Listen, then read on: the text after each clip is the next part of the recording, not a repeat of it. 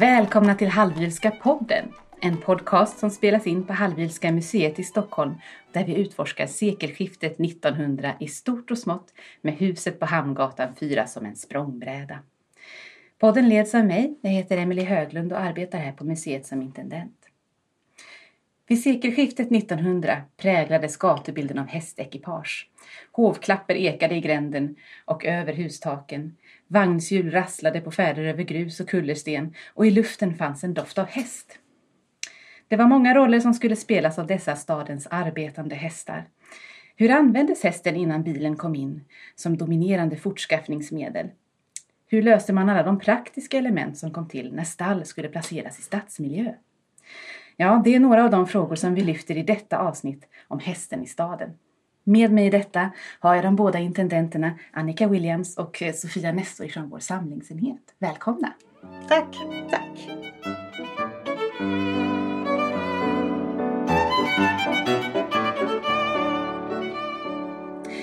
Jag tänker att vi kanske ska börja med hur man ser på hästen i sig. Hästen har ju varit något av en statussymbol längre bak i tiden. Vill du mm. någonting om det? Ja, hästen har ju en, en lång historia som eh, en, en väldigt stark symbol för skönhet och styrka och, och makt och, och status. Och det är väl inte bara i det västerländska perspektivet utan i många kulturer och genom eh, många epoker har hästen haft det. Men om vi ska snäva in här idag då, då till det europeiska perspektivet eftersom familjen von Hallwyl levde och verkade i Europa så har ju hästen haft en väldigt stark ställning också hos inte minst furstar och aristokrati som en eh, statussymbol men också väldigt viktig för den förstliga och den aristokratiska identiteten. Att läser man i emblemböcker och även ridläror från Även från, alltså från medeltiden och framåt så ser man ju där hur hästen blir oerhört viktig just för en eh, aristokrat eh, att skilja ut sig från de andra. Det är genom hästen man skiljer ut sig och då är det ju förstås inte genom vilken häst som helst utan genom den särskilt tränade stridshästen och genom eh, hur många sådana hästar man hade också i stallet.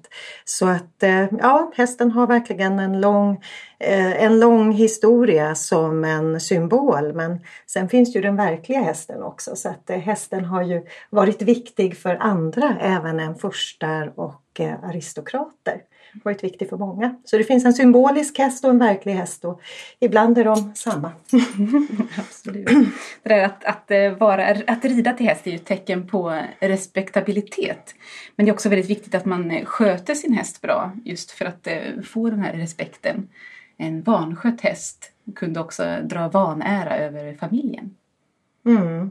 Ja, det är väldigt viktigt att man tar hand om sin häst. En häst är ju ett stort djur och eh, om man igen då just pratar om det här med, med statusen så eh, kan man ju också se hur viktigt det blev just för försten det här med att sitta till häst. För att i eh, emblemböcker och just också då i äldre litteratur så skriver man där om att eh, hästen kan inte annat än eh, kan, kan inte annat än att spegla sin ryttare eller sin kusk för den delen. Så att det betyder ju att det blev ju oerhört viktigt då att också då excellera i sadeln för att det var också ett bevis på faktiskt hur väl man kunde utöva sitt ledarskap. Så att på så sätt var det väldigt viktigt och sen har det också varit väldigt viktigt att ta hand om de här dyrbara hästarna.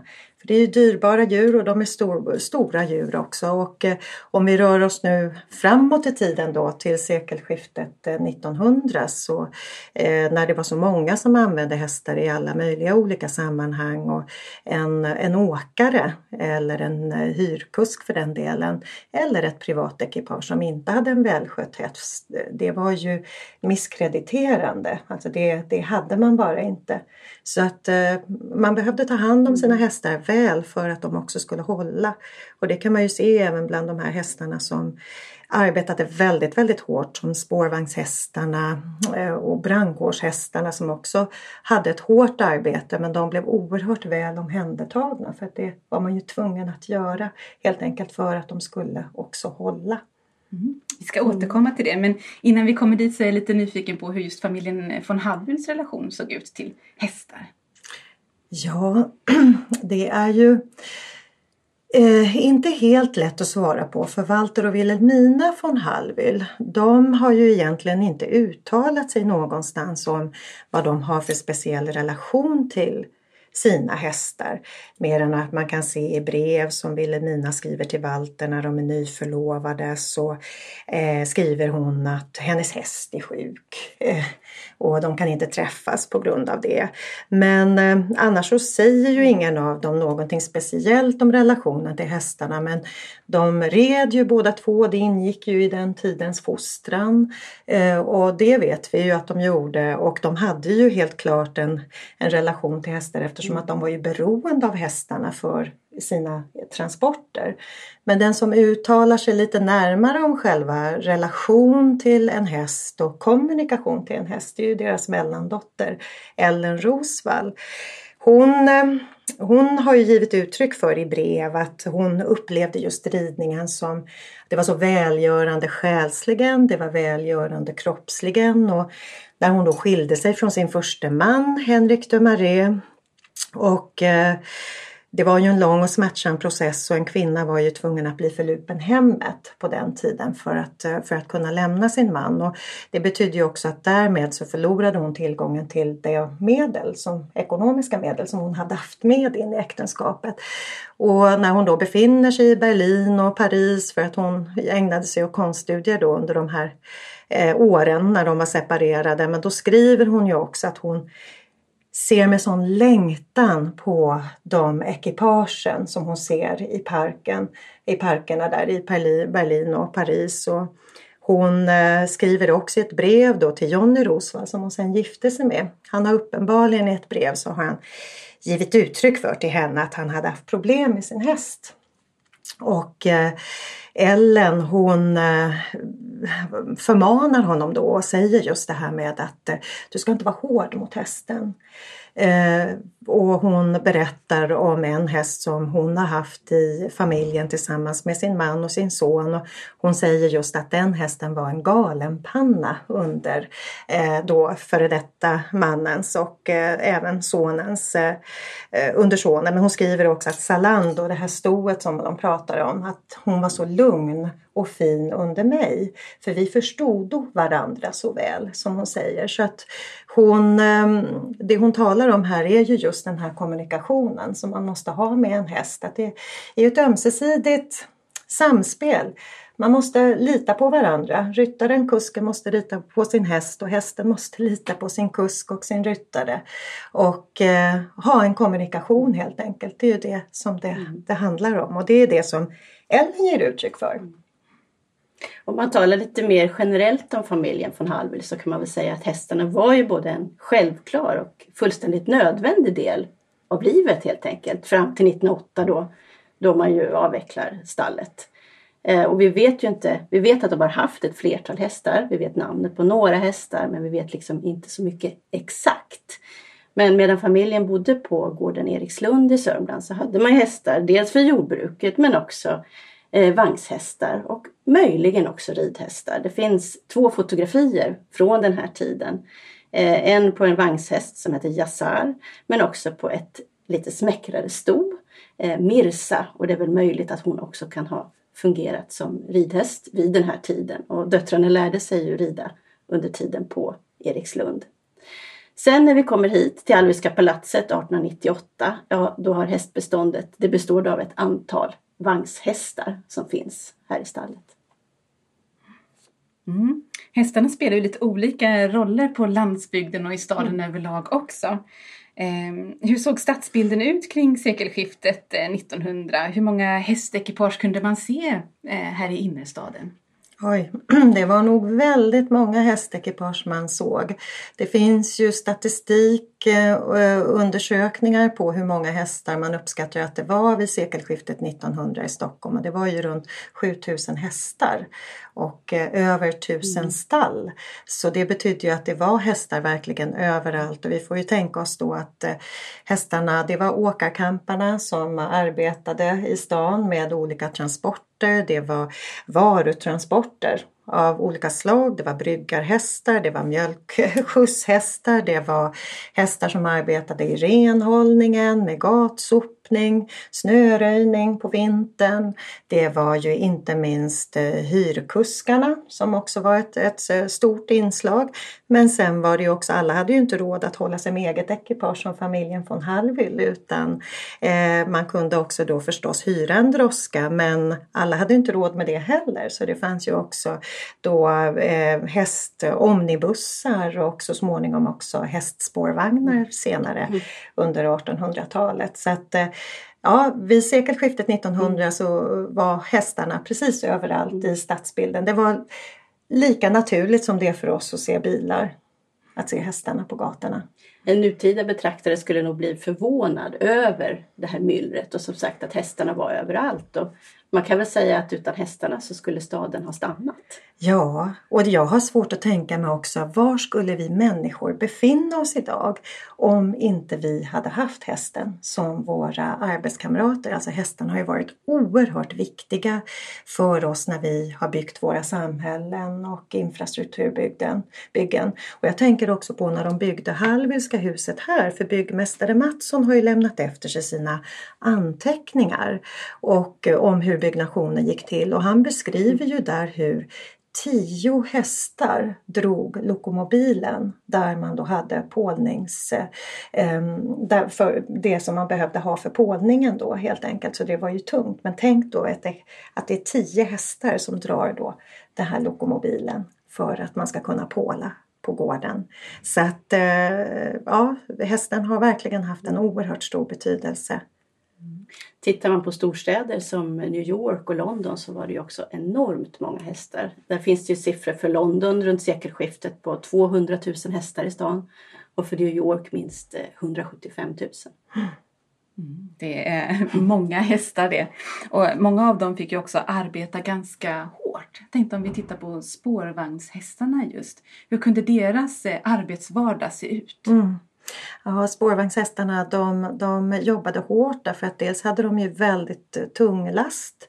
Dels var det ju spårvagnen i sig eh, och eh, den största spårvagnen som man hade i Stockholm den kunde ju dessutom ta 44 passagerare. Så att det var ju enorma vikter som de här hästarna skulle dra. Och det som var tungt för spårvagnshästarna det var ju också att det var de här ständiga eh, stoppen och igångsättanden. Det tog ju också oerhört på eh, hästarnas krafter och eh, eh, när man då hade bara en häst Eh, i de mindre vagnarna. Då behövde man ju också då ha hjälp av en, hjälphäst som stod då ut med och väntade. Fick, pojkar då fick rida ut eh, med de här hjälphästarna som stod då vid en backe till exempel och då fick man koppla på den hästen så att den skulle hjälpa till upp. Och de arbetade väl i regel runt ett par timmar och sen fick man då byta häst också under en sån här runda. Eh, men, men det var, det var ett ett hårt liv för eh, spårvagnshästarna. Det var väldigt tungt för dem. Visst var det så också att det fanns inga givna hållplatser riktigt utan de här stoppen kunde bli lite när som helst under Ja, eh, det kanske såg olika ut på olika rundor men, men eh, det finns ju berättat om det hur människor då drog i snöret och skulle gå av och då fick hästen stanna och sen igång igen och så vidare. Så att nej, de hade, det, de hade ett, ett, ett hårt arbete. Och paret von Hallwyl köper ju ett par spårvagnshästar just. Varför gör de det? Det här har ju vi funderat ja. på och bakgrunden är ju att det finns ett kvitto eller liknande i det Hallwylska arkivet där det står just att 1882 så köper Walter von Hallwyl två utrangerade spårvagnshästar. Och varför? Det kan man ju verkligen ja. fundera på. Eh, trafiksäkra, det kan vi förutsätta att de här hästarna var. Men å andra sidan så bör de ju rimligtvis ha varit ganska slitna. Eftersom, Efter, ja. ja, när de såldes då, för att de köptes ju in spårvagnshästar i regel när de var fem år och sen så såg det ju olika ut hur länge de var i arbete men det kunde ju vara upp till åtta år. Eh, men eh, när de då eh, hade gjort klart sin tjänst så, så hade de ju också fått slita så det var ju väldigt vanligt att de hade senskador och skador på hovarna. Så att, men, men i det här fallet, det vet vi ju inte för det, vi har bara den här kvittensen mm. som inte säger mer än att han köper de här två utrangerade spårvagnshästarna. Så att, eh, antingen kan det ju ha varit så att de var friska och i så fall så hade de ju två oerhört trafiksäkra eh, hästar eh, som vagnshästar. För att de här gick ju i trafiken hela tiden och hästar blir ju vana, de, de är ju vanedjur. Så att eh, några mer trafiksäkra hästar hade de ju svårt att tänka sig att de kunde hitta. Men samtidigt också så eh, kanske var det ju väldigt vanligt att de också hade, hade blivit eh, förslitna, förslitningsskador. Så att eh, vi kan bara mm. konstatera mm. att de köper dem. Ja. Det här med trafiksäkerhet kan ju verkligen vara viktigt. För att hästen är ju naturligt ett flyktdjur. Alltså att, eh, vid fara så flyr den. Det är den naturliga instinkten. Mm. Förekom det många olyckor i trafiken vid den här tiden? Mm, det verkar det ha gjort då. Eh, som, precis som du säger, hästen har ju sitt eh, flyktbeteende. Hästen är ju ett bytesdjur så att den har ju lärt sig att eh, när någonting är farligt då flyr man så fort som man bara kan. Så att eh, det är ju det som är vår uppgift när vi handskas med hästar. Det är ju att se till att de känner sig trygga så att de inte behöver fly från någon fara. Men som jag har uppfattat det i alla fall och statistik som man har tagit del av är ju att det, det, är väl mindre utforskat i Sverige jämfört med den amerikanska forskningen. Har mycket eh, mer efterforskningar kring just det här med olycksstatistik men att det i relation till folkmän och så vidare så var det väl ingen större skillnad med antalet bilolyckor som sker och antalet olyckor med häst och vagn. Olyckor kunde ju ske av flera anledningar också. Eh, hästarna kunde ju också dö av värmeslag eller bli utmattade eller liknande. Eh, och det finns ju siffror just från New York 1880 att det är ungefär 15 000 hästar där som dör på New Yorks gator under det året. Mm. Du berättade tidigare Annika också om eh, hästar som jobbar i snöröjning, att där var det också lätt att det hände olyckor när det inte skulle tömma snön ner i vatten. Ja, det, kan ju, det, har ju också, det kan man ju se på eh, bevarade äldre fotografier just från sekelskiftet 1900 där det dessvärre har hänt då sådana olyckor just vid snöröjning och hästen har fallit.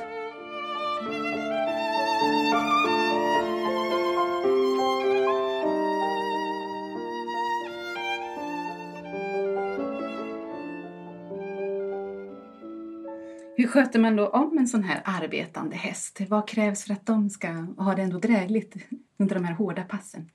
En, eh, en häst eh, måste ju alltid skötas om väldigt väl oavsett om den vilka arbetsuppgifter den har. En, en häst som enbart har som arbetsuppgift att vara till för nöjesridning har ju också ett arbete. Och sen har vi då de här spårvagnshästarna och hästarna eh, som användes då i brandkåren och så vidare som har då också eh, en annan typ av arbetsuppgifter. Men, eller som halvvildsvagnshästar. Men eh, det som ju skiljer ut då de här hästarna i stan det var ju att eh, de stod ju väldigt mycket på stall. När de inte då utförde sina arbetsuppgifter ute på stan så stod de i stallet. Och eh, för Hallwyls del så innebar ju det att de här hästarna de var ju bara ute på motionsrunder eller när de då skulle köra herrskapet Hallwyl.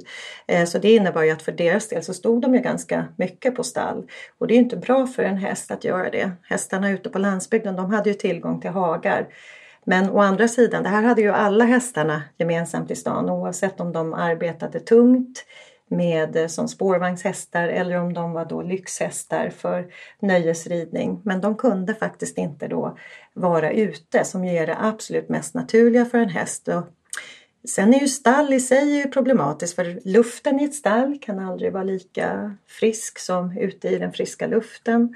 Och Carl Gustav Wrangel då som skriver sin handbok för hästvänner 1887 han säger ju just det i den delen som inleder då kapitlet om ett, hur ett bra stall ska vara att hästvännens viktigaste, en av hästvännens viktigaste uppgifter det är att se till att eh, minska den skadliga inverkan som ett stall har på en häst. Så att eh, där är det ju oerhört viktigt att det är bra luft i stallet, att eh, Eh, det är bra underlag så det inte är drag, att hästen blir utsatt för drag.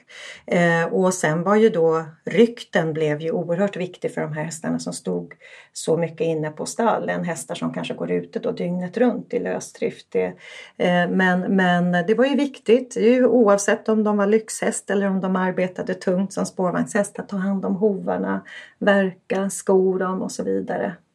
De hade också särskild utrustning va? Vi berättade om att de kunde ha skor i guttaperka.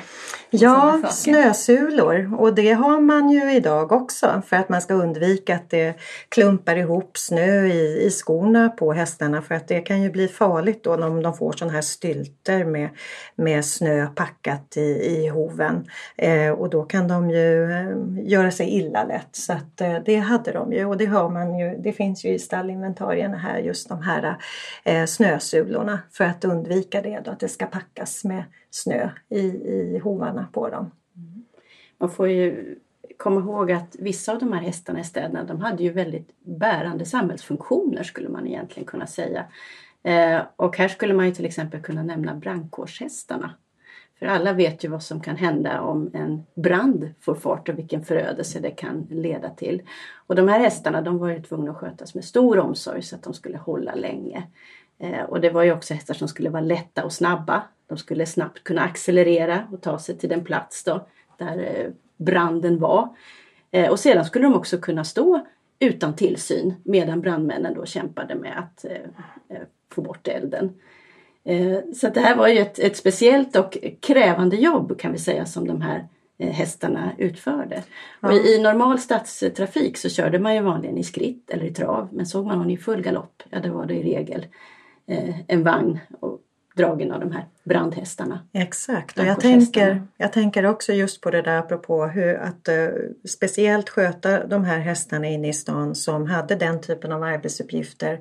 Gå och sen stå väldigt länge. Mm. Det är ju inte bra heller att hästen har blivit svettig och sen ska den stå. Så att det de gjorde var ju att de klippte ju hästarna också. Uh, just över halsen och bogen men inte över ryggen och länden.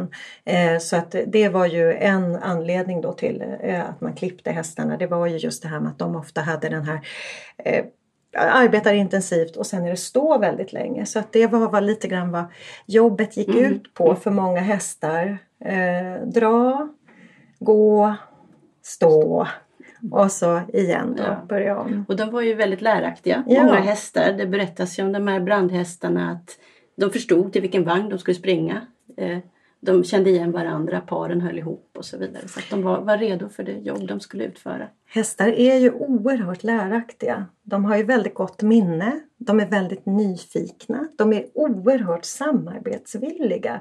Så att eh, man kan ju lära hästar nästan i princip vad som helst om man är skicklig i just att kommunicera med sin häst. Och just brandkårshästarna där talar vi om oerhört skickliga, skickliga kuskar också som skulle då eh, ta hästarna i full galopp genom stan i trånga gränder så att det var ju mästerkuskar som arbetade inom brandkåren och polisen hade ju också hästar. Det var ju både beridna poliser och eh, den första polispiket som är hästdragen kom ju där på 1880-talet och polisen de eh, började då köpa in remonter, alltså unghästar som de själva tränade från 1890-talets mitt, runt 1895. Och sen har polisrytteriet fortsatt med det, att de tränar sina egna hästar. Så att det är en anrik institution verkligen polisrytteriet och där finns det också djup häst och ridkunskap. Modiga, modiga hästar och modiga ryttare. Jag tänker att brandkårshästarna är väl också ett väldigt bra exempel på just läraktigheten. För visst är det så att de springer på larm även efter att de pensionerats? Ja, det finns berättat om det. Det finns berättat om det i alla fall i eh, New York så finns det berättat om att det var pensionerade eh, brandkårshästar som fortfarande reagerade på eh, när larmet gick och ville springa till sin arbetsplats och var redo för arbetsuppgifterna. Men det finns ju också berättat hur snabbt det gick att, eh, att eh, få hästarna i ordning för en utryckning och det är ju en brandkapten som berättar om det att eh, han upplevde inte att det tog speciellt mycket längre tid mot jämfört med när automobilen kom så att de var oerhört drillade och snabba de här hästarna. De var ju också ganska länge som de användes de kunde hålla kanske åtta år i genomsnitt, en brandkårshäst. Så att därav blev ju yrkesutövningen ganska lång.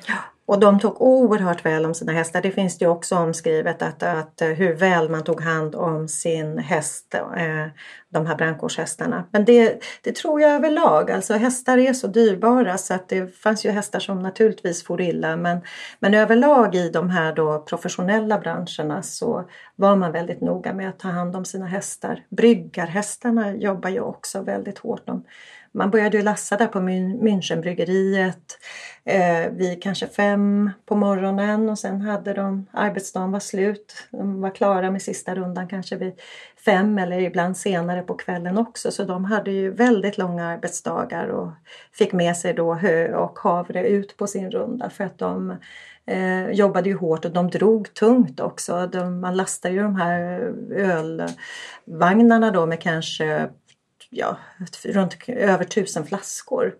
Eh, så att eh, de fick, eh, om det var runt 12 kilo hö, eh, någonting sånt per dag. Mm, för hästar äter Aha. ju väldigt mycket så att de behöver ju få det under eh, arbetets gång också. Då hade man en särskild höpåse. Ja, en tornister hade de med sig då som de fick eh, ha sitt hö och mumsa i. Eh, så att, eh, eh men, men ja, det är ju också en stor utmaning med att ha en häst i stad. Det är ju att eh, eh man ska Ja, första frågan är ju hur ska man överhuvudtaget ställa upp den? Eh, Hallwyls byggde ju sitt eget, eh, sitt eget stall.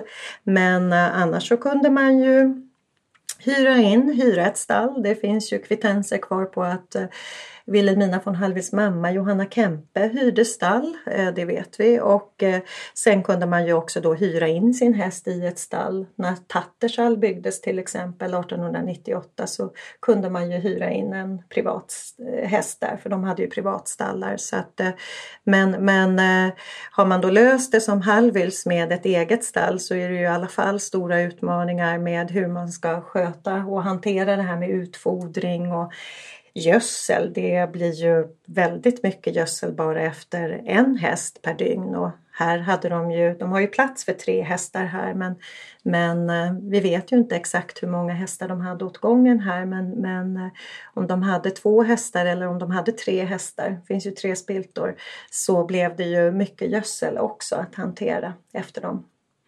Mm. Det finns tre spiltor men fyra namn men sannolikt var hästarna inte här samtidigt, eller hur? Det finns ju eh, namnskyltar, det finns ju flera namnskyltar som Walter och Wilhelmina von Hallwyl beställde. Eh, men vi vet ju inte, eftersom att vi inte har hittat, än så länge i alla fall, mm. någon dokumentation på eh, under exakt vilka år hade de just precis de hästarna här. Det är ju inte så lång tid, det är ju mellan 1898 och 1908 som de har hästar här. Men eh, vi vet ju att eh, boxen som finns i stallet den användes ju då som en sjukbox. Eh, och det var ju kutym att man hade hästarna eh, uppstallade på spilta. Eh, så att det var inte någonting som var konstigt med det. Men så att eh, eh, mer än tre hästar åt gången, det kan vi utgå ifrån att de inte haft. Men exakt vilka de individerna var, det har vi inte mm. hittat än så länge. Det får vi gräva ännu djupare i arkiven och se om vi kan hitta det. Men vi vet att det var nog inte de här spårvagnshästarna, eller hur? För de hade varit för gamla. För ja, att, nej, ja. Det, det verkar orimligt rent tidsmässigt. Och likadant det här stoet Mirza som finns på foto från runt 1870. Eh, det namnet finns ju också på namnskyltarna men det verkar inte Nej. möjligt att det skulle kunna vara samma häst. Däremot att man har återanvänt namnet. För spår, ja, spårvagnshästarna köper de ju in där också på 1880-talet. Så att, och det här flyttar de in 1898. Så att det är nog inte troligt. Vet vi vilken typ av häst de förmodligen hade? Ja, man, det finns ju fotografier på som sagt som Sofia mm. nämnde på några av hästarna. Eh, men det finns ju inte heller noterat någonstans vad för ras de använde. Men däremot så är det ju inte orimligt att tänka sig att de använde hannoveranare som ju var väldigt populära eh, vagnshästar, alltså tyskt eh, halvblod. Eh, det han, ah, hannoveranare använde de gärna just i brandkåren också, alltså för manskapsvagnen. För de, var ju, de behövde lite lättare, väldigt, lite snabbare hästar där. Medan då tyngre hästar kallblod hade de för de tyngre vagnarna som sprutvagnen och där alla redskapen var. Eh, men hannoveranare var ju också hästar som användes i, eh, bland hyrkuskarna. Så det var ju en väldigt vanlig vagnshäst. Så det, tittar man på fotografierna så kan det ju vara mm. hannoveranare. Eh, det skulle också kunna vara Oldenburgare. Det var också en häst som man använde som vagnshäst. Holsteinare skulle det också kunna vara. Ehm, eh, det, det är troligt. Eh, svenska varmblod eh, det börjar man då, det, de första stamböckerna för det svenska varmblodet kommer på 1870-talet så det kan de ju också ha haft när man, eftersom att vi rör oss längre fram i tiden här runt eh, sekelskiftet 1900 fram till 1908 och när man tittar på bilderna. Men det finns ju inte så många fotografier av så många av hästarna som de har haft.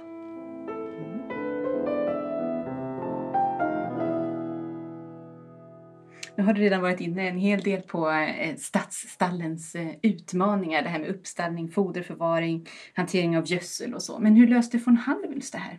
Ja, vi vet inte exakt hur de löste det. Det är också en sån här forskningsfråga som fortfarande är öppen för att vi har inte hittat exakt dokumentation på hur de, hur de löste det.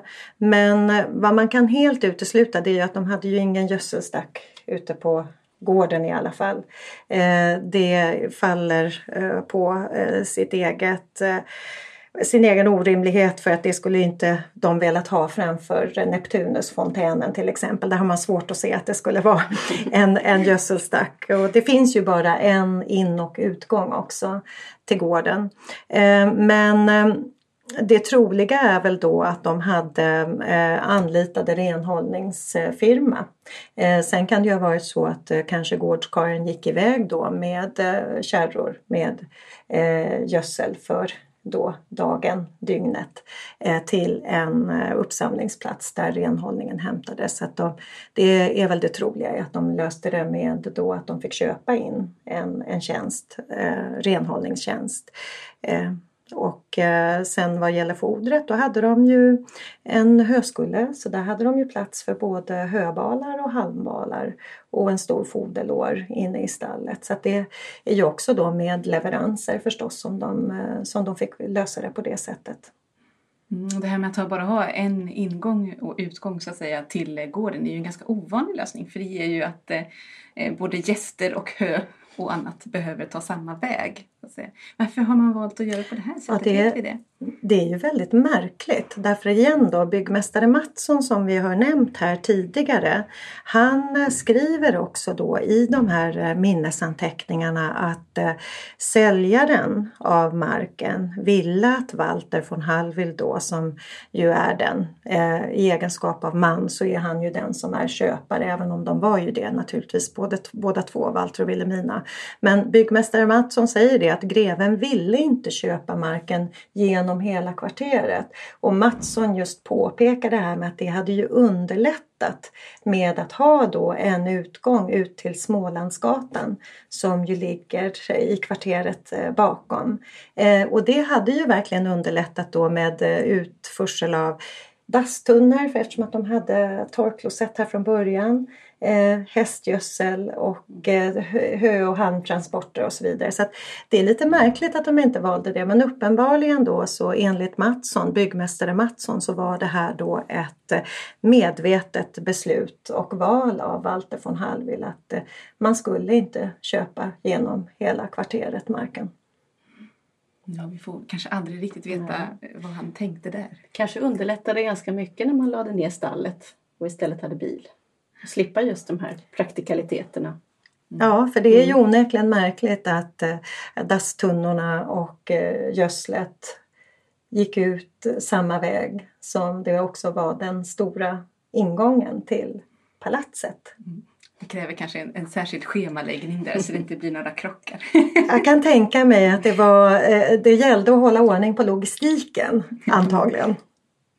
Eh, det här stallet som vi nu talar om det är ju unikt i sitt slag. Egentligen mest för att det är bevarat men det är ju också ett eh, oerhört modernt stall i sitt utförande. Vill ni berätta lite om det? Hur, ja, hur är det konstruerat?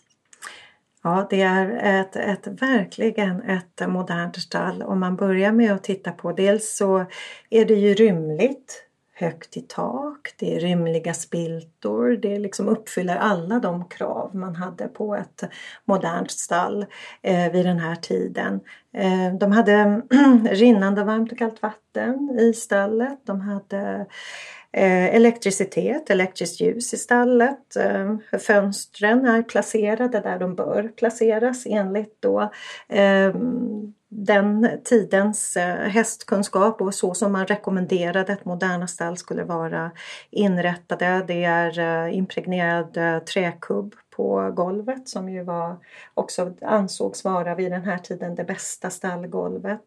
Ehm, sen så bad jag vid ett tillfälle här eh, en eh, civilingenjör som är VVS-ingenjör att titta särskilt på vattenkoppen och vad han trodde om den.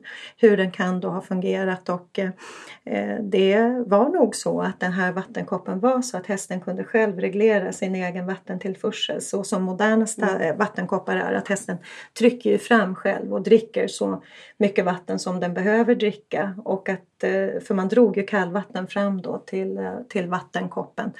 Eh, så att det var ju oerhört modernt stallet. Hygieniskt lätt och sköta då och hålla rent i krubborna som har ju täckt av emalj och eh, med marmor som är ovanför foderbordet så att man också kan torka av där. Så att eh, ja, det uppfyller ju verkligen alla, alla krav man kan ha på ett fint stall. Skulle gärna ha hästar inställade där idag också. Det enda man kanske saknar idag är spolspilta som man har i moderna stallar men annars så är det ju ett väldigt fint stall. Och boxar skulle vi vilja ha till alla hästar idag. Eh, men, eh, men annars så är det ju ett, det är ett jättefint stall. Och den här träkubben som du nämnde den fanns ju tidigare även på gården. Mm. Det gjorde den. Eh, och finns ju också i valvet är den ju kvar. För de väljer ju dämpa hovklappret helt enkelt så att det inte skulle låta så mycket. Stämmer det att det även var träkubb utlagd precis framför huset på Hamngatan just för att dämpa? Eller är det en skröna? Det, när man tittar på äldre bilder så kan man ju se att det är, eh, det var ju kullerstenslagt också utanför på gatan. Eh, så att man får, när man tittar på bilderna så ser det ju ut som att det är kullersten som ligger utanför. Men eh, det får man ju, det är ju bara där, det finns ju inte, i alla fall inte vad jag har sett hittills, någon eh, dokumentation där. Det är ju bara dokumentation eller om man tittar på bilderna. Men de bilder som jag har sett som är då från sekelskiftet 1900, då ser det ju ut att ligga kullersten utanför.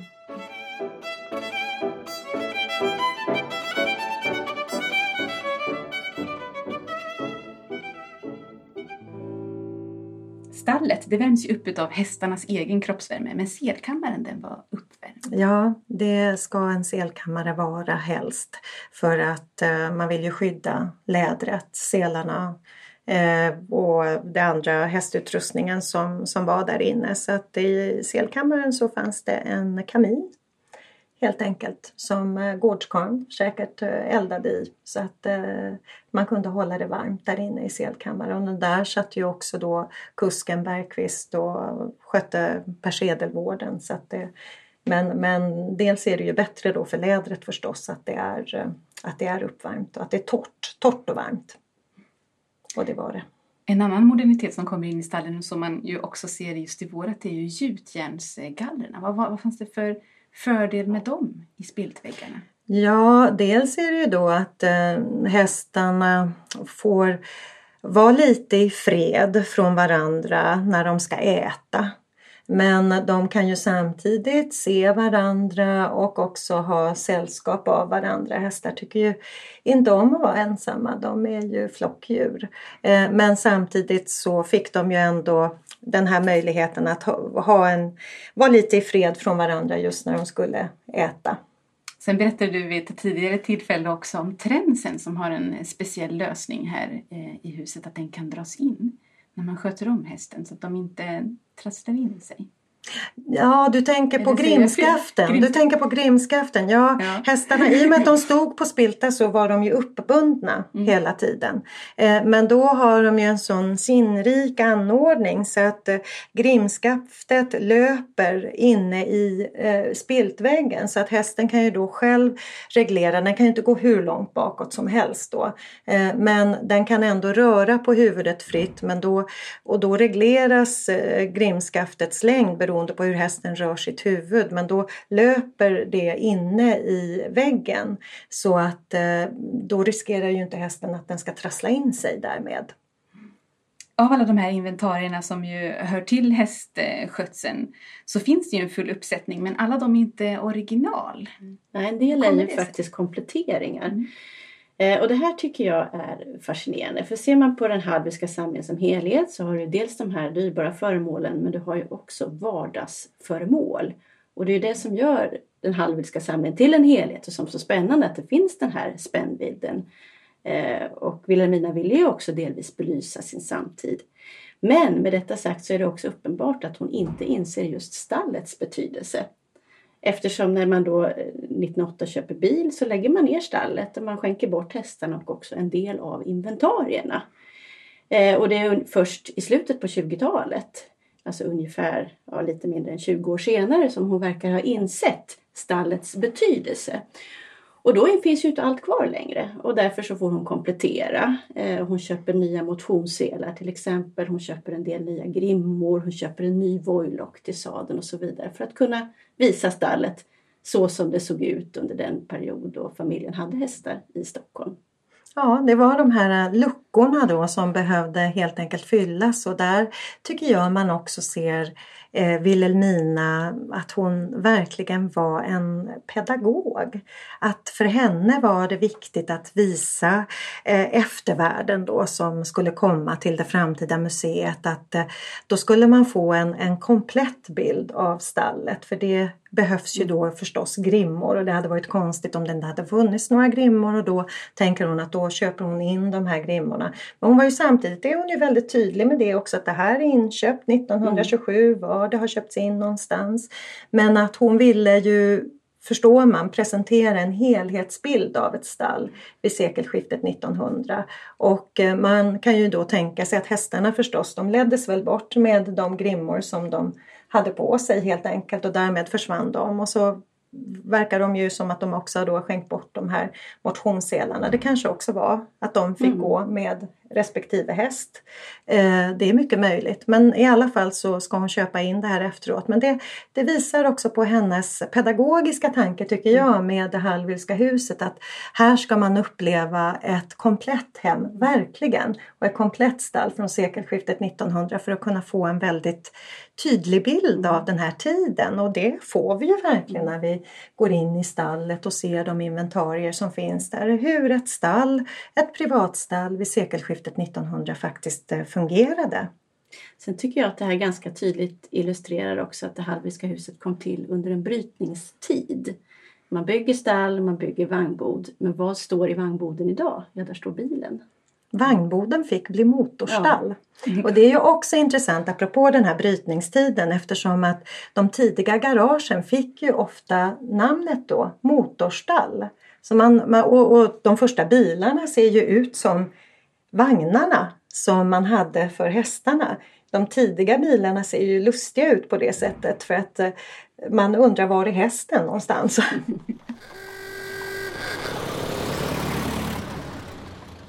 Just stall och garage när man ställer dem bredvid varandra kan ju egentligen sammanfatta hela huset. Egentligen just den här tiden och allting som, som händer. Eh, och det är väl tur att Vilhelmina ändrar sig. Det visar, sig ju, visar ju också på sätt och vis att museitanken måste ha utvecklats eh, under mm. tidens gång. Att det inte var en idé och sen kör man på den utan den har vuxit. Det är en process. Ja. Exakt, att hon först till att börja med väldigt eh, fokuserad på sina samlingar av konst och konsthantverk men sen kommer det här hela idén att utvecklas till ett etnologiskt projekt och då kommer så småningom även den etnologiska museitanken utvecklas och omfattar sedan allting som har funnits i huset och även om stallet verkar ju som vi ser det kommit in lite senare i i bilden. Mm. Det kan ju också bero på just att det var en brytningstid och att mm. sen, sen ser man värdet av att det kanske också ska ingå och bevaras. Exakt. Och det är ju ovanligt eh, med bevarade stadsstall. Finns det något annat exempel som vi kan nämna? Hur pass unikt är det här? Nej men Hallwylska stallet är ju mm. helt unikt i och med att det är ett bevarat eh, eh, privatstall. Hovstallet finns ju men det är ju igång. Det är ju ett levande stall och eh, på K1 där har man ju beridna högvaktens hästar och polisrytteriet så det är ju också ett, eh, det är ju ingen av de, de här stallarna är ju museistall så att Hallwylska som ett museistall mitt i stan det är ju helt unikt för de andra stallen det är klart de, de gjordes ju om mm. till bostäder och, eller revs eller vad de nu eh, har tagit vägen. Eh, så att eh, nej, Hallwylska stallet är verkligen helt unikt som ett museistall. Det var inte unikt i sin tid nej. men idag är det unikt. För att igen då, som Wilhelmina är den här oerhört briljanta idén hon hade att det var viktigt att bevara precis allting i huset till framtiden. Så vi kan ju bara konstatera när det kommer till stallet vad oerhört rätt hon hade eftersom att det finns inget annat privat stall som är i, mitt i stan här som är bevarat. Man vet aldrig vad som kommer att vara intressant i framtiden. Exakt. Vi har inte talat om kuskens roll ännu. Det måste ju ha varit en viktig position med tanke på eh, så som vi har talat om hästarna nu som ett oerhört viktigt djur för ett, eh, för ett hushåll och viktigt för familjens anseende och så också. Hur eh, var kuskens position bland tjänstefolket? Ja, eh, bland tjänstefolket just så det var ju Alfred Bergqvist var ju den som var kusk här under de åren som de hade hästarna i stan här i Hallwylska palatset. Han var ju väldigt ung när han började arbeta för familjen von Hallwyl. Han var bara 15 år när han började eh, då arbeta hos dem och då var det ju inte som kusk utan ute på Erikslunds gård. Eh, och där hade de ju då en kusk som hette Pettersson så att han fick ju gå i en, i en lära där hos eh, hos eh, Pettersson. Så att han är ju eh, ett exempel på då en person som har så att säga jobbat sig upp då, lärt sig väldigt mycket på vägen eh, till att bli kusk. Vi vet ju inte om han gick någon eh, körutbildning, för det fanns ju det. Det fanns ju rid och körutbildningar vid den här tiden och det, det vet vi inte. Det verkar väl kanske troligt att han kanske då lärdes upp av då eh, Pettersson. Så att eh, Eh, det var så som hans väg såg ut. Men han, om man tittar på att han hade ju ändå en egen bostad här. Vilket ju gör honom lite mer i en annan eh, position jämfört med eh, de övriga som hade ett rum. Han hade ju då sin, eh, sin, egen, sin egen kuskbostad. Eh, som så, var lite större? Än som var lite mm. större än de andra som hade då sina rum. Så att eh, det är ju ett tecken på att han ändå har en annan en annan status om man nu, vi återkommer då till det här begreppet status. Så att han hade ju han hade en, viktig, en viktig position och kusken var ju väldigt viktig. Om man tänker på häst och vagn och så vidare, det vill säga ekipaget, så var det ju en helhet som bestod av många olika delar. Det var vagnen, det var hästarna och det var också kusken. Och då var det ju både hans uppträdande och hans utseende, hans utstyrsel, hur han var klädd. Och man kan väl säga då att kusken, Bergqvist i det här fallet, fungerade ungefär som ett utropstecken för familjen där han liksom satt högt upp på kus, kuskbocken. Eh, och en korrekt kusk skulle ju ha en rak hållning. Han skulle vara helt fokuserad på hästarna framför sig. Vilket innebar att han till exempel inte skulle hälsa på förbipasserande. Eh, medan däremot om han stod stilla så kunde han lyfta ena handen mot brättet på hatten. Eh, och det fanns ju också ett särskilt kusklivré som han var klädd i. Svart och det skulle då matcha själva vagnen. Det var svart kläde. Och till det så bar han en hög hatt och eh, blankpolerade eh, höga stövlar. Utseendet på ekipaget spelade ju en väldigt viktig roll. Eh, och det var ju viktigt då att ha då välskötta hästar såklart men de skulle ju också matcha varandra i utseendet så man letade ju efter hästar som hade samma färg och inte för olika i färgteckningen heller för den delen. Och det kan man ju se på kvittenser också att det, då är färgen inte vad det är för ras på hästen som är angivet utan vilken färg hästen har. Och det är ju inte så märkligt egentligen med tanke på just att färgen hade en stor betydelse för du ville att det här skulle bli ett så enhetligt ekipage som möjligt så hästens färg och teckning spelade då en viktig roll att de var lika stora Eh, helst skulle väl hästen också ha samma ambitionsnivå att dra. Eh, att båda vill dra lika mycket. Det spelar ju också in när man har då två spann eller om man har ännu fler hästar i spannet. Sen kan vi säga vad som händer i början på 1900-talet är naturligtvis bilens inträde och många kuskar får ju då omskola sig till chaufförer och det här kan ju vara ganska omvälvande efter ett långt liv som, som hästkar och det här är ju också vad som då händer Alfred Bergqvist efter 1908 att han får bli chaufför istället. Eh, och det här fungerar ju bra inledningsvis i alla fall. Eh, vad vi vet, men tar ett ganska abrupt slut 1915 när han kör i diket och skadar, skadar sig allvarligt under en olycka. Och Wilhelmina von Halvel är också med i bilen tillsammans med eh, sällskapsdamen Ida Ose och de bryter båda armen och eh, Wilhelmina knäcker väl eller spräcker väl dessutom några revben och skriver att det var ett under att de klarade sig förhållandevis helskinnade. Men efter det så får Bergqvist då avsked med pension och han är då drygt i 50-årsåldern. Han verkar också ha blivit svårt skadad mm. i den här olyckan så att det, det, är ju inte heller säkert att han faktiskt kunde återgå Nej. till arbetet och plus att sen Wilhelmina von Hallwyl var ju också ganska vidskeplig så jag kan tänka mig att hon inte, hellre, inte längre heller ville sätta sig i en bil där han satt bakom ratten. Så att, men han, vi vet ju också att han faktiskt blev ganska så allvarligt skadad i den här bilolyckan och den var ju omskriven. Men jag brukar också ofta tänka på det här med Bergqvist. Man skulle ju önska att han hade lämnat efter sig någon dagbok eller anteckningar. Vi har i alla oh, fall ja. inte, de har i alla fall inte kommit till vår kännedom om de nu finns för att man tänker sig ändå att han är 15 år när han börjar arbeta med hästar. Och arbetar man med hästar så utvecklar man ju väldigt nära band till, till hästarna. Och det är ju verkligen arbetskamrater och jag kan bara tänka mig att det måste varit väldigt svårt för Bergqvist att dels skiljas från de här arbetskamraterna.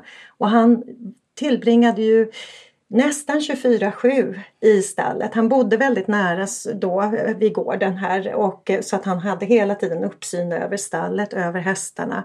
Han eh, tog hand om hästarna, han var den som körde hästarna, han motionskörde hästarna. Han tillbringade all tid i stallet så om han inte då höll på någonting med hästarna precis just då så var det persedelvård inne i selkammaren som ligger precis intill. Så att, att då gå över till ett så dött ting som en automobil. Det kan ju inte ha varit lätt när han då har varit hästkar i hela sitt liv. Och att då inte längre ha de relationerna, apropå just det här med relationer. För han eh, kan vi ju utgå ifrån hade utvecklat absolut nära relationer och band till sin häst. För det gör man och särskilt när man tillbringar så oerhört mycket tid tillsammans som de ändå måste ha gjort det blir lite som ett helt nytt yrke. Även om ju trafiken finns, mm. eh, finns kvar som ett element så måste det vara helt skilda sätt att arbeta. på många plan måste det ha varit oerhört svårt för Alfred Bergqvist. Jag tänker lite mera på det här med eh, hans uniform och så. Det fanns ju också beskrivet i etikettböcker vid den här tiden hur en kusk ska vara klädd. Och du var inne lite grann på det Sofia.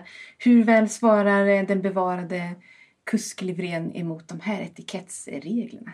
Efter vad vi kan se så svarar den väl rätt väl och att eh, när det gäller vagnarna, när det gäller hästarna och när det gäller kuskens utseende så levde familjen von Hallwyl liksom upp till det förväntade.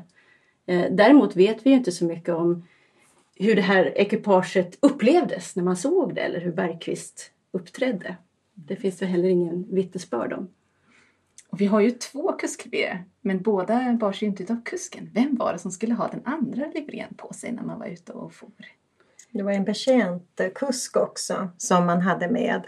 Eh, och eh, här i just familjen von Hallwylstall, här vet vi ju inte vem det var som fick eh, hoppa in och sköta den eh, arbetsuppgiften. Det kan ju ha varit någon av betjänterna här då som fick eh, eh, ta sig an uppgiften. Vi vet ju inte heller, vi har än så länge inte heller hittat dokumentation på om Bergqvist skötte hästarna helt själv Eh, alltså med hjälp av då för vissa saker som det här med som Gårdskan gjorde med att eh, eh, elda och kanske då ta eventuellt gödslet till uppsamlingsplats och så. Men, men annars så vet vi inte om det var någon mer eh, eh hjälp i stallet, inte vad vi har hittat i alla fall. Så att, eh, eh men, men eh, det kan ju ha varit så att det var någon av de ordinarie betjänterna som ryckte in då och som Eh, betjänt kusk för att öppna och stänga dörren och sådana saker så satt eh, kusken kvar på kuskbocken.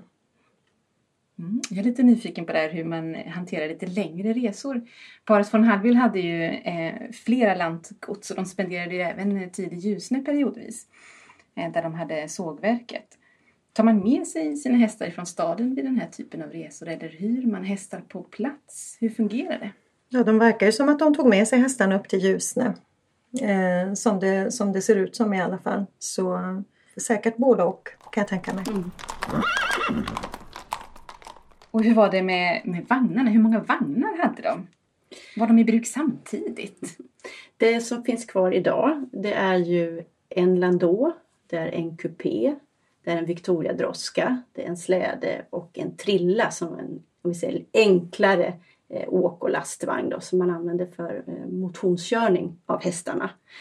Eh, och de här vagnarna de är då inköpta under en period på 25 år från 1884 till, det är ju det år då familjen flyttar till Stockholm, till 1909 faktiskt köps den sista vagnen in och det är den här trillan och då har man ju redan avvecklat stallet så att det är lite oklart varför man köper in den då men uppenbarligen så fanns det fortfarande behov av den här typen av enklare eh, vagn. Eh, de här vagnarna som finns i samlingen de är väldigt eh, välbyggda. De är exklusiva och de är tillverkade av välrenommerade vagnmakare som ju också fanns här i närområdet. Och man kan se att slutet av 1800-talet är en sorts höjdpunkt för vagnsbyggnadskonsten. Man har kommit långt tekniskt och det finns också som sagt flera vagnmakerier eller vagnsfabriker här i närheten. Och Walter von Hallwyl handlar då bland annat hos L. Victor Nylund, vagn och sadelmakeri och också hos eh, Palmgrens som fortfarande finns kvar än idag. Och den äldsta vagnen det är då Landon som man som sagt köper 1884 och det här var en väldigt praktisk vagn som kunde ta upp till fyra passagerare. Och den var väldigt praktisk just på grund av att den hade en karaktäristisk dubbelsufflett vilket betyder att det kunde vara både en öppen vagn och en täckt vagn, det vill säga beroende på om de här suffletterna var uppfällda eller inte. Och man kunde då använda den här vagnen en stor del av året om man så önskade. Några år senare, 1889, så kompletterar då familjen med ytterligare en vagn, en kupé, en lite nättare täckt vagn. Och det här är en vagn som förmodligen användes mycket under vinterhalvåret. Och till den så finns det också ett värmekrus som man kunde ha i själva passagerarutrymmet för att göra det lite varmare och mysigare för eh, passageraren. Sen finns då slutligen också en eh, Victoria Droska eh, och den vagn som vi har i samlingen idag den är från 1906. Men vi vet att familjen även tidigare har haft en annan Victoria Droska. Och den här vagnen det var vad man brukar säga en typisk vackert vädervagn som man då kunde åka i vid promenadåkning till exempel när man visade upp då ekipaget på Strandvägen eller liknande. Och den här Victoria-droskan saknar ju dörrar och det gjorde ju att passageraren var väl synlig och det ansågs då lämpligt till exempel om en dam ville visa upp någonting ur sin nya garderob att ta en åktur i Victoria-droskan. Och som namnet antyder så hade den här vagnen då fått sitt namn från engelska drottning Victoria som lär ha varit särskilt förtjust i modellen. Mm. Här anar man att man behöver ha flera olika vagnar ja, parallellt mm, också. Så är det. Alla olika. vagnar passar inte alltid. Nej, och det, jag tänker också på det finns ju ändå en hel del berättelser från tiden, även om det inte är just om Hallwyls eh, ekipage, men, men från tiden och framförallt från personer då som minns tillbaka den här eran eh, när hästarna och vagnarna också rörde sig ute på gatorna. Och det är ju, finns ju de som också sa att men men man, ni kan vara alldeles säkra på att när en häst och en vagn passerade, passerade någonting underbart. Det finns ju den typen av, av mm. berättelser också. Så att, eh, det, det är ju många som ser tillbaka med stor nostalgi på när hästarna och vagnarna har försvunnit. Även om de i Stockholm var ju kvar ett fanns ju ändå åkarkampen var ju kvar i stadsbilden eh, ända till 1950-talet, ja. 60-talet till och med. Mm. Renhållningshästen Grolle pensionerades någon gång där på 60-talet så att eh, Eh, om jag minns rätt så jag arbetade Grolle i ren, Stockholms renhållning. Så att det, det var ju häst och vagnar kvar, mm. åkarkamparna inte minst då, då på sex, till och med så långt som till 60-talet. Och man kan ju se att ännu om vi säger strax efter första världskriget så fanns det omkring 700 000 hästar. Men sen går det ju neråt successivt. Ja. I hela landet alltså, 100 000 hästar mm. i hela landet. Ja, för det är lätt att tänka sig att det är ett, ett tvärtbrott eh, med hästen i staden. Hur eh, dramatisk var förändringen av stadsbilden när när bilarna kom? Jag tror inte det var så dramatiskt utan jag tror att det här är en successiv långsam förändring av stadsbilden. Så det var ju verkligen inte så att det var, skedde över en natt utan jag tänker på här, vi har ju några siffror då på till exempel då Mjölkcentralen som 1915 hade 304 hästar i tjänst, noll bilar. 1925 så har de 227 hästar, 40 bilar. 1938 har de 144 hästar och 200 bilar. Så att det här är ju bara mm. ett exempel men det, det, är ganska talande hur då den här antagligen det går till det här successiva att man byter ut successivt. Det kan man se oavsett vad vi, vilken verksamhet vi än tittar på eh, så ser man den här successiva förändringen förutom med eh, Eh, man slutade ju med spårvagnshästar då i början på 1900-talet. Men... Brandkårshästarna försvinner ja. ganska tidigt ja. också. 1916 ersätts de mm. med mm. bilar. Men då har vi kvar polisrytteriet. De, polisen har fortfarande användning och de spelar en viktig roll, eh, polishästarna fortfarande än idag. Så där har vi ju eh, arbetande hästar kvar som rör sig hela tiden i vår eh, stadsbild. Mm. Och den beridna högvakten Beridna också. högvakten har vi också kvar. Eh, så att, eh, men, men jag tycker just de här exemplen, där ser man nog väldigt tydligt att det sker successivt. Mm. Ja, paret von Hallwyl var ju tidiga i att eh, skaffa sig en bil redan 1908 som vi har berättat och det var en Fiat som kom att efterföljas av en Daimler Mercedes bara ett par år senare. Och vagnsboden som ni berättade fick bli vad, vad kallar det? Motorstall. Motorstall fick det bli. och som tur är så passar den lilla symbolen ovanför dörren, ett vagnsljud, ganska väl in på även bilen som, som tema. Det är bara hästkrafterna som har bytts ut. Mm, det, det var nya hästkrafter mm. då. De var ju pigga på nymodigheter, eh, tekniska nymodigheter, Walter och Wilhelmina von Hallwyl. Så då bytte de ut sina hästkrafter. Men det var, det var nog en stor sorg för Alfred Bergqvist. Mm. Det tror jag vi kan utgå från. Och vi kommer berätta mer om det här och den tidiga bilismen i ett eh, kommande avsnitt. Men jag tror att vi får runda av det här ämnet om hästen i staden här. Jag tror vi har kommit varvet runt om ni inte har något som ni vill flika in som vi missat. Nej, då tackar jag er så hemskt mycket för att ni kom hit idag och delade med er av er tid och ert kunnande. Och tack också alla ni som har lyssnat till oss denna gång. Tusen tack. Tack så mycket.